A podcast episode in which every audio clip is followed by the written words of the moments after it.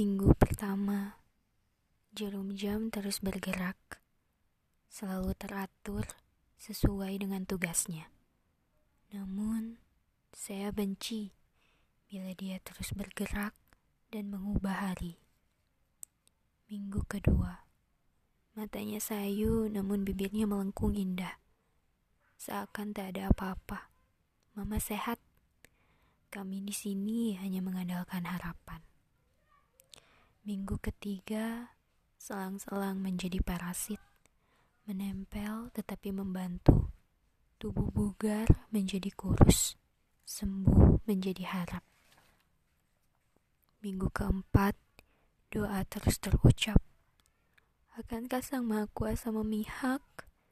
Hening, namun mata tak terkendali, terus mengeluarkan tetesan. Apakah masih ada harapan? Minggu kelima, duduk menunggu di ICU.